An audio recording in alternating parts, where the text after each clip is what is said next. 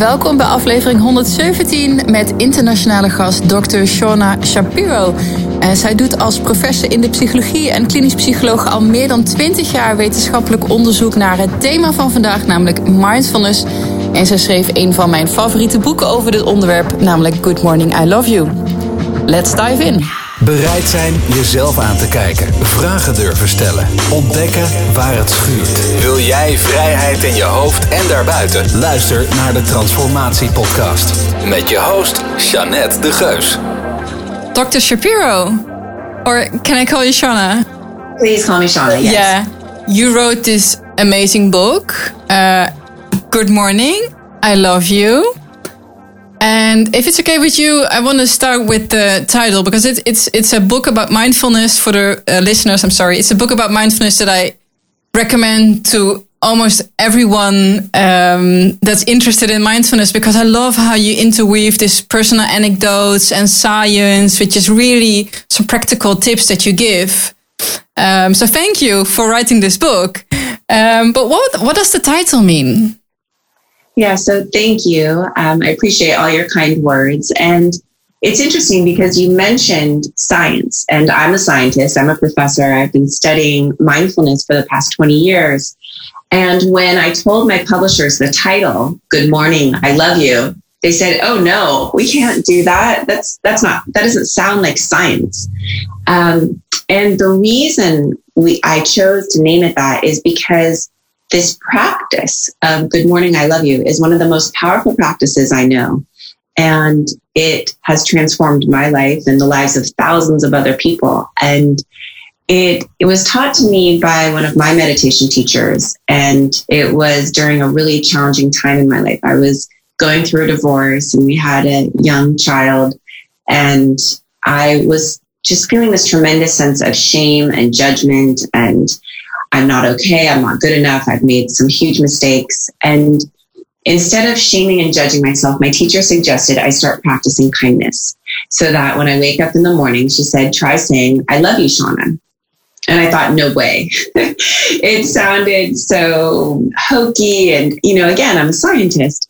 Um, she saw my hesitation and she said, how about just saying, good morning, Shauna? Instead of you know, shaming and judging yourself when you wake up, just try greeting yourself with kindness. So I woke up the next morning, I took a breath, I put my hand on my heart. She told me it releases oxytocin, the, the love hormone, it's good for you. She knew the science would win me over. So I woke up, put my hand on my heart, took a breath, and said, Good morning, Shauna. And it was kind of nice, right? Instead of the avalanche of judgment and fear, I just greeted myself with kindness. And I kept practicing. And as I practiced, I started noticing subtle shifts a flash of kindness, less judgment, less fear, less anxiety. And a few months later, I, it was my birthday and it was the first time I'd been alone without my husband and my son. And I woke up and I said good morning. And then I had this image of my grandmother. And all of a sudden, this kind of love poured through me. And I said, Good morning. I love you, Shauna. Happy birthday.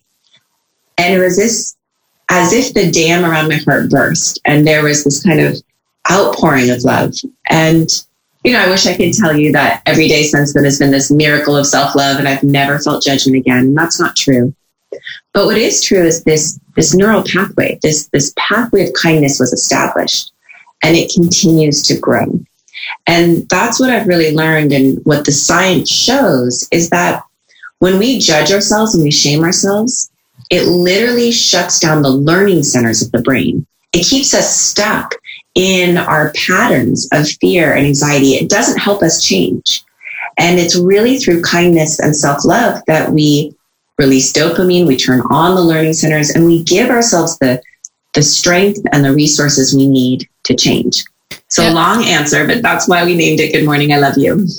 uh, actually, what you um, uh, ended with the the that it inhibits the learning center. That was one of the questions that I had, and that I find a really a powerful insight of the book as well. Um, I think you mentioned um, it inhibits learning, but also creativity. Yes. And, uh, and uh, is that why we just keep on making the same mistakes over and over because we're completely stressed out when it happens, and we're not? It's very difficult to learn from it. Then, how exactly, does that work? Exactly. You know, people often ask me. They say, "Well, why don't people change? If change is possible, why don't we change? Yeah. And it's because we keep doing the same things. We're missing this essential ingredient of self compassion when we make a mistake or there's something in our life that's challenging, usually we beat ourselves up. You know, what's wrong with you? Why did you do this? Why are you feeling this way? And as I just said, that shuts down our learning centers. So what it does, it, it inhibits our ability to think systemically, to think creatively, to think outside the box. And we get stuck doing the same old thing. If you want to go somewhere new, you have to take a different path. And so I call these kind of we have these super highways of habit, right? And these are our neural pathways that we've been practicing our whole lives. And we need to carve out these little country roads, right? These new paths of compassion, of patience, of creativity. And what we know from neuroscience is whatever you practice grows stronger. So what that means is what you practice moment by moment is going to grow pathways in your brain.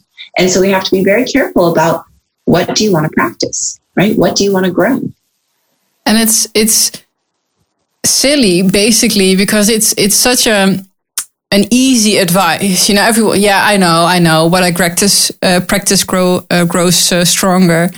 And then you just go about your day and then stuff happens. And it's so like do you have any suggestions of how to raise the consciousness on where you're judging yourself or blocking yourself or just because i right. always notice too late. Like looking back like oh i think i might have been a little bit too harsh you know yes so a couple things one thing you said is we kind of go on automatic pilot right mm. we keep doing the same thing so how do we raise our consciousness how do we wake up and so what I teach is mindfulness. That's kind of the main practice that I teach. And part of mindfulness is your intention. And this is really knowing why you're doing what you're doing. And your intention, it wakes you up from automatic pilot and it helps remind you what's the most important thing, right? What do I care about? What direction do I want to set the compass of my heart? And so with mindfulness practice, every single day you ask yourself, what is my intention? right? And it could be to be more kind. It could be to be more patient. It could be to cultivate more joy and happiness in your life. But your intention, it sets the stage for what is possible. It reminds you over and over of what really matters. So that's the first part, setting an intention. The second part, which you asked, is, well, what do I do when I notice too late? I've already judged myself. I've already made the mistake. The first step is not to judge yourself for judging. right? Because you can get in this downward spiral where you're like, oh my God, I'm so judgmental and I'm so bad at being nice. And then you're judging more. So the key is to really notice it, right? Notice the judgment, see it clearly, remind yourself, it shuts down your learning centers. And then right in that moment, practice kindness, right? It's never too late. It's never too late to begin again. And what do you do? Is it is it the the good morning I love you practice, but not then in the morning, or do is it a, is that is, do you like have a mantra or a little? Uh, what do you do to remind yourself? Right. So there's two steps. They're quite simple and they're both based in science. So the first step is when you notice a difficult emotion. Let's say you're afraid. Okay, is just to label it, just to say fear, fear and there was a study done at UCLA, and what they found is when you label your emotions, it calms down your physiology. You actually bring your prefrontal cortex back online so that you have more wisdom and more logic and higher order reasoning available to you. So the first step, just by naming it, I know it sounds simple, it actually changes your physiology. The second step is to bring kindness right? So as soon as you notice fear, I'm afraid, I'm scared, you name it, I'm scared, there's fear here. And then you bring kindness, sweetheart, this is hard. You're afraid, just like you would treat a dear friend, right? What would you say to someone you love who says, I'm really afraid? Would you say, shut up, right? Or stop it?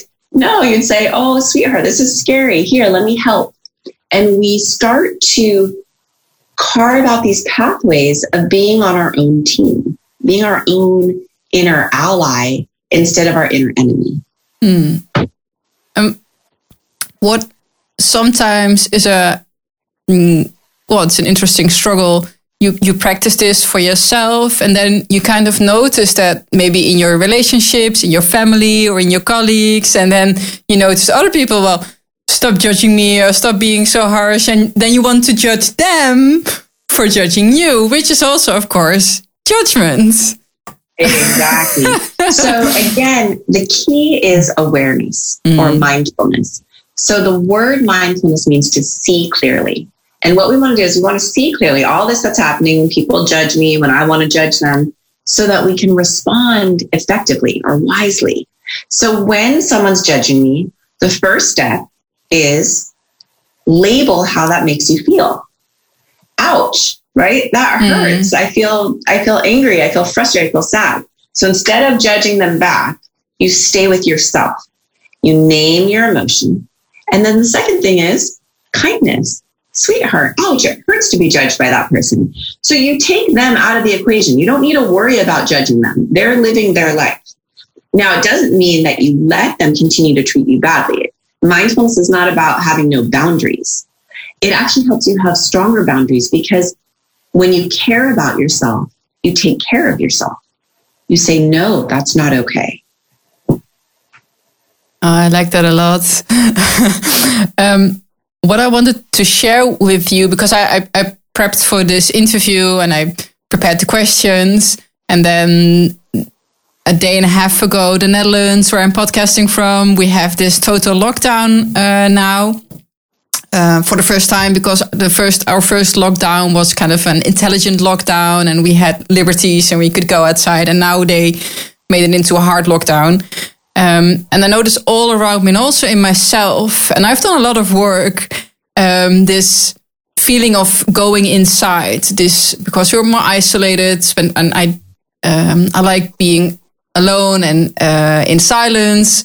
But now it's like too much, and I hear a lot of people in my environment they're slowly slipping into depression or something that I'm I'm familiar with, and um, so I wanted to ask you if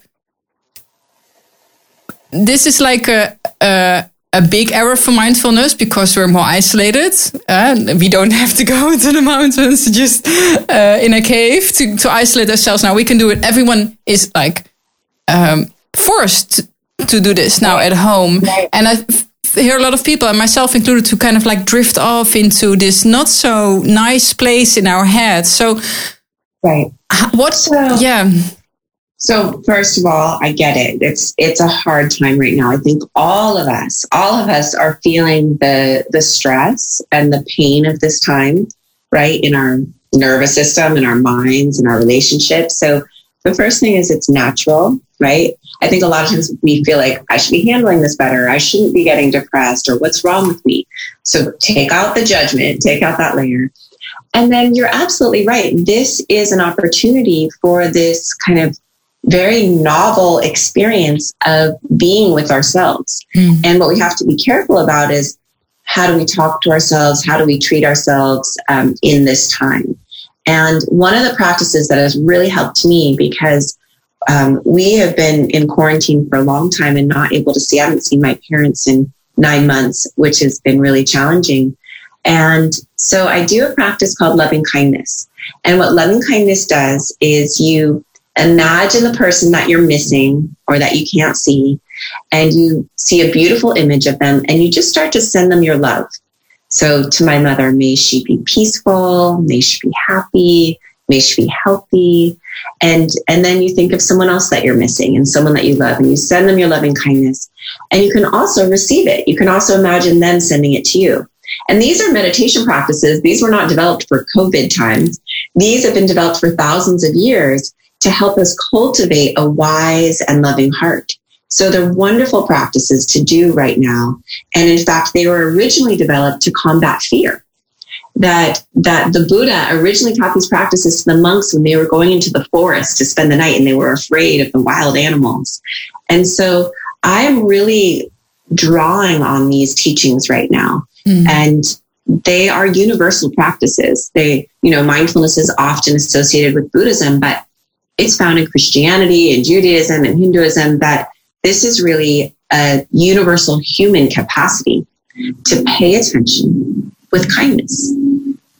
Yeah, and um, what I got from your um, book and what really helped me is that you the setting of the intention um, yeah. that you can.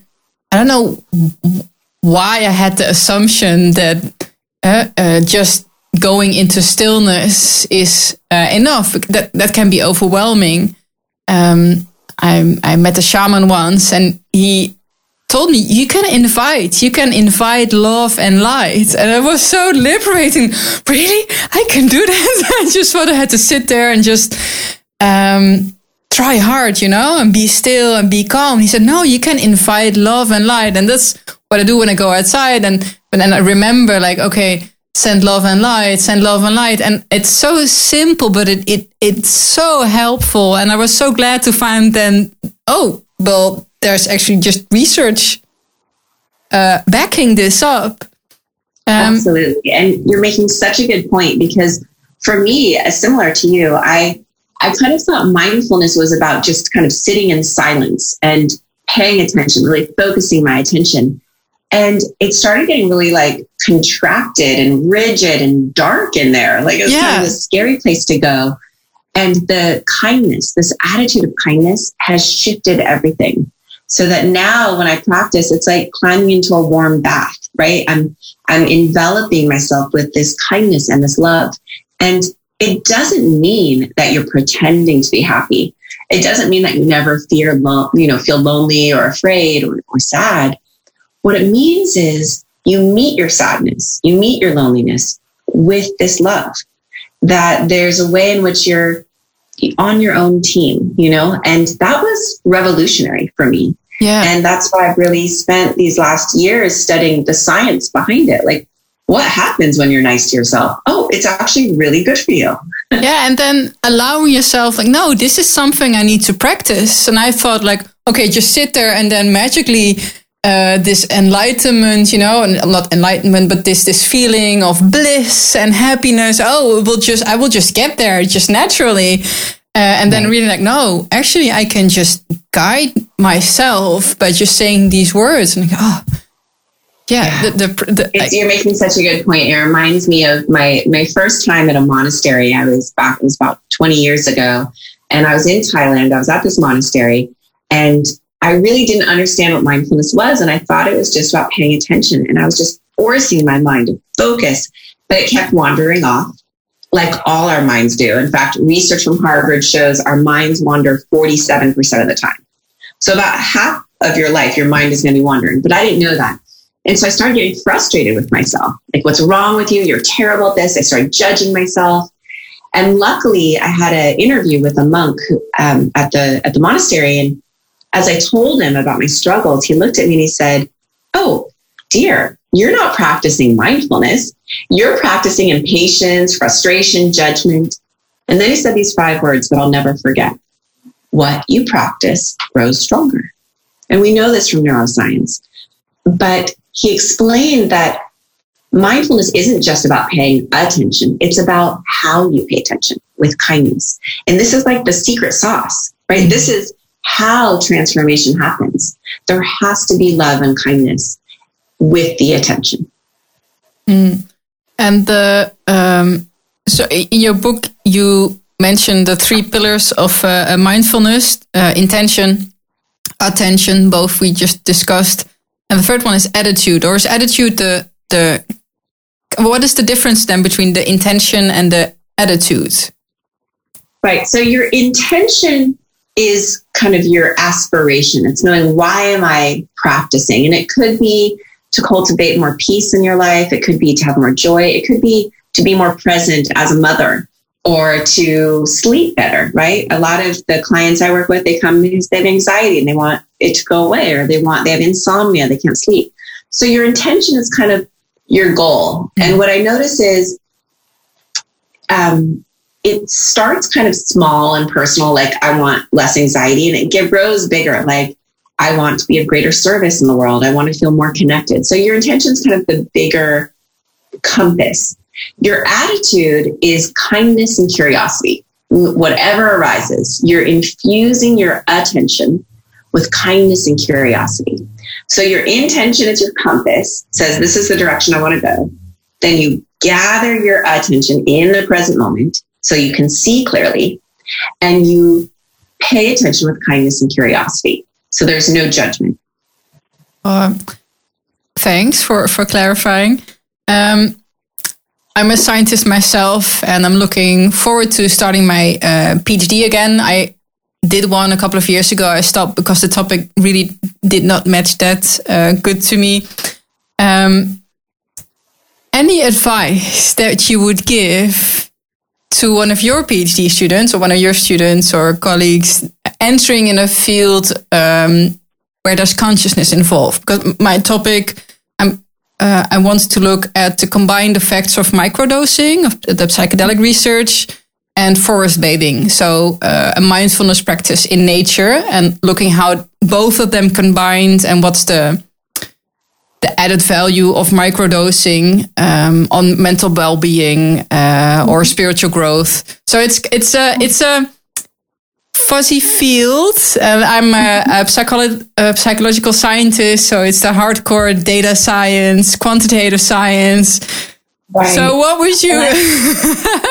so, a couple of things. One is um, when I was first starting to study mindfulness. You know, this was over 20 years ago. It was not scientifically proven yet. It was um, very fuzzy, and I got really good advice to be the best scientist I could be, to use the most rigorous methodology, to have data that was irrefutable. So when you are researching kind of out there topics, it's really important to be impeccable in your science.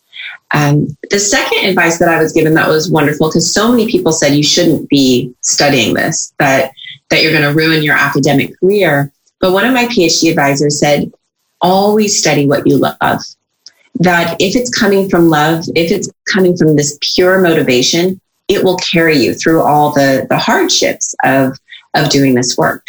And so those were kind of the two best pieces of advice that I received, and hopefully they'll help you. Oh yeah, absolutely. Thank you. And um, you also mentioned mentioned uh, judgment. One of the things that I'm doing now is I've been asked to write a book uh, by a Dutch uh, publisher about balancing leadership and ambition with uh, with uh, letting go and surrendering.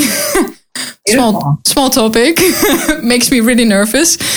Um, and they asked me this summer, and then I'm on this like downhill slide of perfectionism and this inner critic, and every podcast, everything I write, everything just feels not good enough. And mm-hmm. I know it's a judgment. And that's why I asked you in the beginning, like, okay, how I, I see this. Um, how do you balance that in your life as well? Because you're ambitious. Um, so I, one, I, I, really appreciate your honesty and I, I relate. Um, and here's what I'll say. The first thing is you can't help those feelings. The feeling of I want to do this right, or I want it to be perfect, or I'm worried I'm not good enough. The, that just happens. It's really the second step, which is noticing those feelings and not believing them and not feeding them. So you notice them, oh, I'm afraid I'm not going to do it right. And then you bring kindness to yourself. And for me, um, when I was writing this book, I've written two other books and they were a push, right? They were, there was this kind of ambition and really trying and they, they were effortful. And when I signed the contract to write this book, I remember calling my mom and I said, I am only going to write this book out of joy and gratitude and devotion. That I love these practices. They have transformed my life. They really saved me at my darkest time when I had spinal fusion surgery as a teenager. And I believe in them that as a scientist, I've seen their power. And so I said, I'm going to write this book from love or I'm not going to write. And for the first few months, I didn't write anything because there was this pressure on me and it didn't feel joyful. And then one day it opened up and it did. And I really wrote out of love and out of service. And it was a completely different experience uh, than my other books. So, what um, could you put your finger on it? What what made it so different then?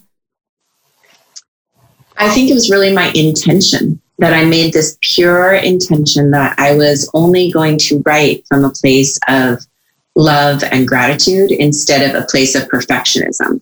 So I wasn't trying to do it right. I wasn't trying to be perfect. I was really letting the knowledge and the wisdom that I've been taught over so many years just pour out of me. Yeah, just let letting it letting it happen. Guess that's why this topic came to me because it's so so difficult. We study we study what we need to learn. I mean, I really believe that in writing this book, I deepened my own self love. That there was a way in which going back to my teenage years when I was in the hospital for so long and I couldn't walk and feeling compassion for that young part of myself and kind of cheering her on as she recovered and went to Thailand and studied in the monasteries. There's a way that writing this book healed those parts of myself. And, you know, I actually met the love of my life who I'm marrying a couple years ago, right when I finished writing the first draft of my book. And I believe that it was only through finding my own self love, truly finding it, that I was able to receive someone else's love. And so I do think that we we study and we we study what we're supposed to, you know, learn. And there's a way in which you're writing this book now to to learn that ability to surrender. Yeah. Uh, is, is that a topic that you um, can relate to or a struggle that you had because um, a scientific career wanting to write it's an ambition it's a drive it's it's it's taking leadership and then of course there's the spiritual teaching no let go surrender trust the process um, mm-hmm. go from out flow what was that a struggle for you or a struggle that you re- um, recognize? Absolutely. I, and I would call it a dance. I, I would say that there's this dance between kind of striving and leadership and surrendering and letting go. And I think for me, my my nature is a little bit more striving. Um, and yet there's this feminine side that really enjoys surrendering. And yet that takes a lot of trust. And so I think it was through deepening my faith in myself and in this universe that I was able to better surrender and let go. And the more I was able to be kind to myself, the more I also was able to surrender. And I want to be clear though that a lot of times people mistake surrendering or letting go with kind of quitting or collapsing or passive resignation.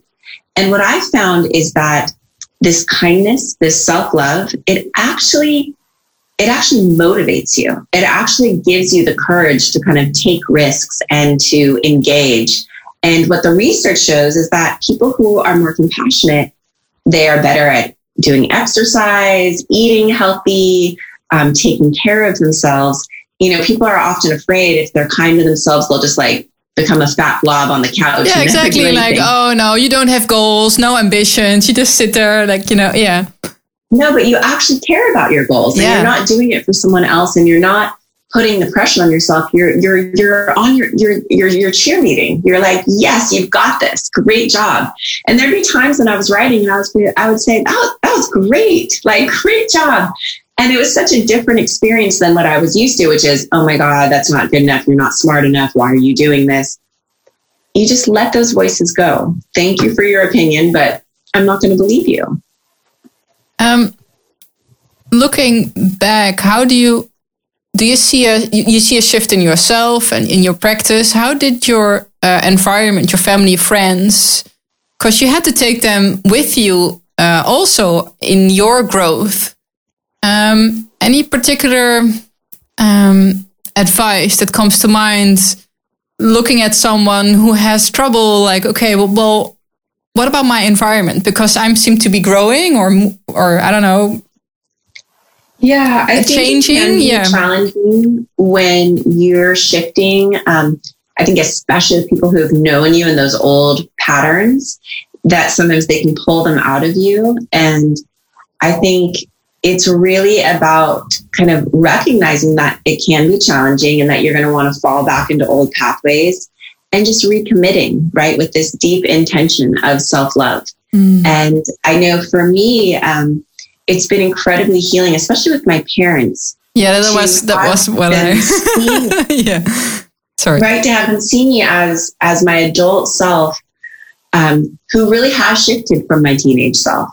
And it's the hardest one because they see you so they remember. They're like, I remember who you were. And it's um it's really liberating to recognize you're a different person. Right. And you always have these tendencies. I mean, when I say I've changed, I still am who I am. And I'll always be impatient, right? I'll always have kind of a, a fast reactivity in me. But now I'm able to see it more clearly and I'm able to treat it with greater kindness instead of shaming myself. Mm.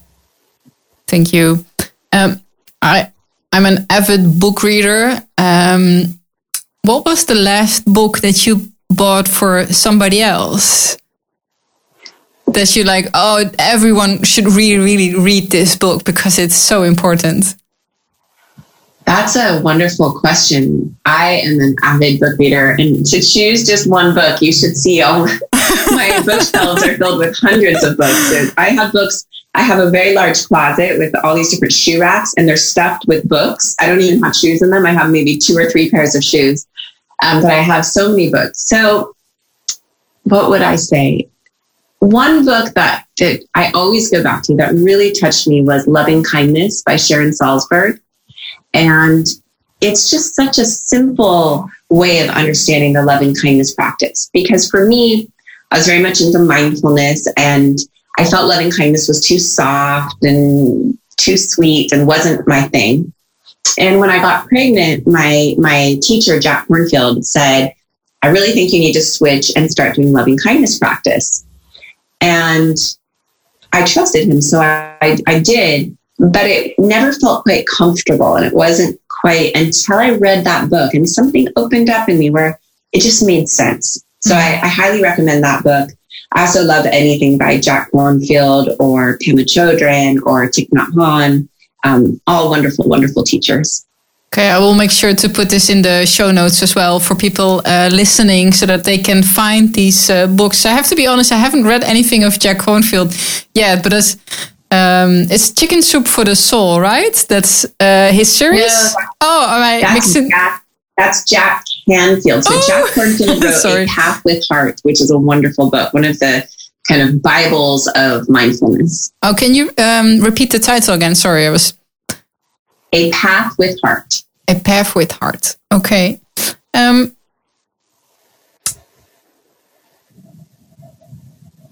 oh, so then I and completely. Just, sorry. We can edit.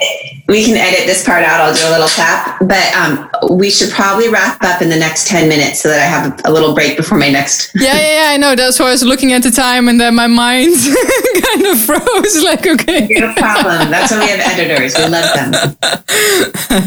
so, is there anything you looking at COVID, the situation we're in, and the challenges that you or can relate to. Anything that you want to advise people listening who are having having a hard time um, absolutely. Um, because i think for all of us this has been a challenging time. And there's a couple things.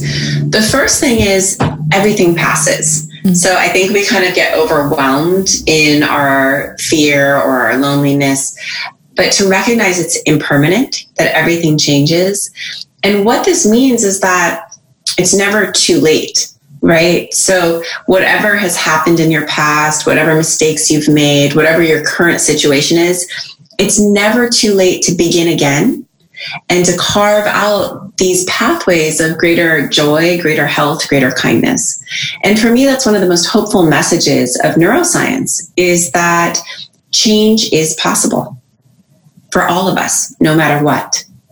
Yeah. And as a, I mean, I'm, I'm a, not cynical, but I'm a, I'm a scientist. And uh, as I said in the beginning again, why I love and why I think a book is so important, especially for people like me who like to analyze and think about stuff.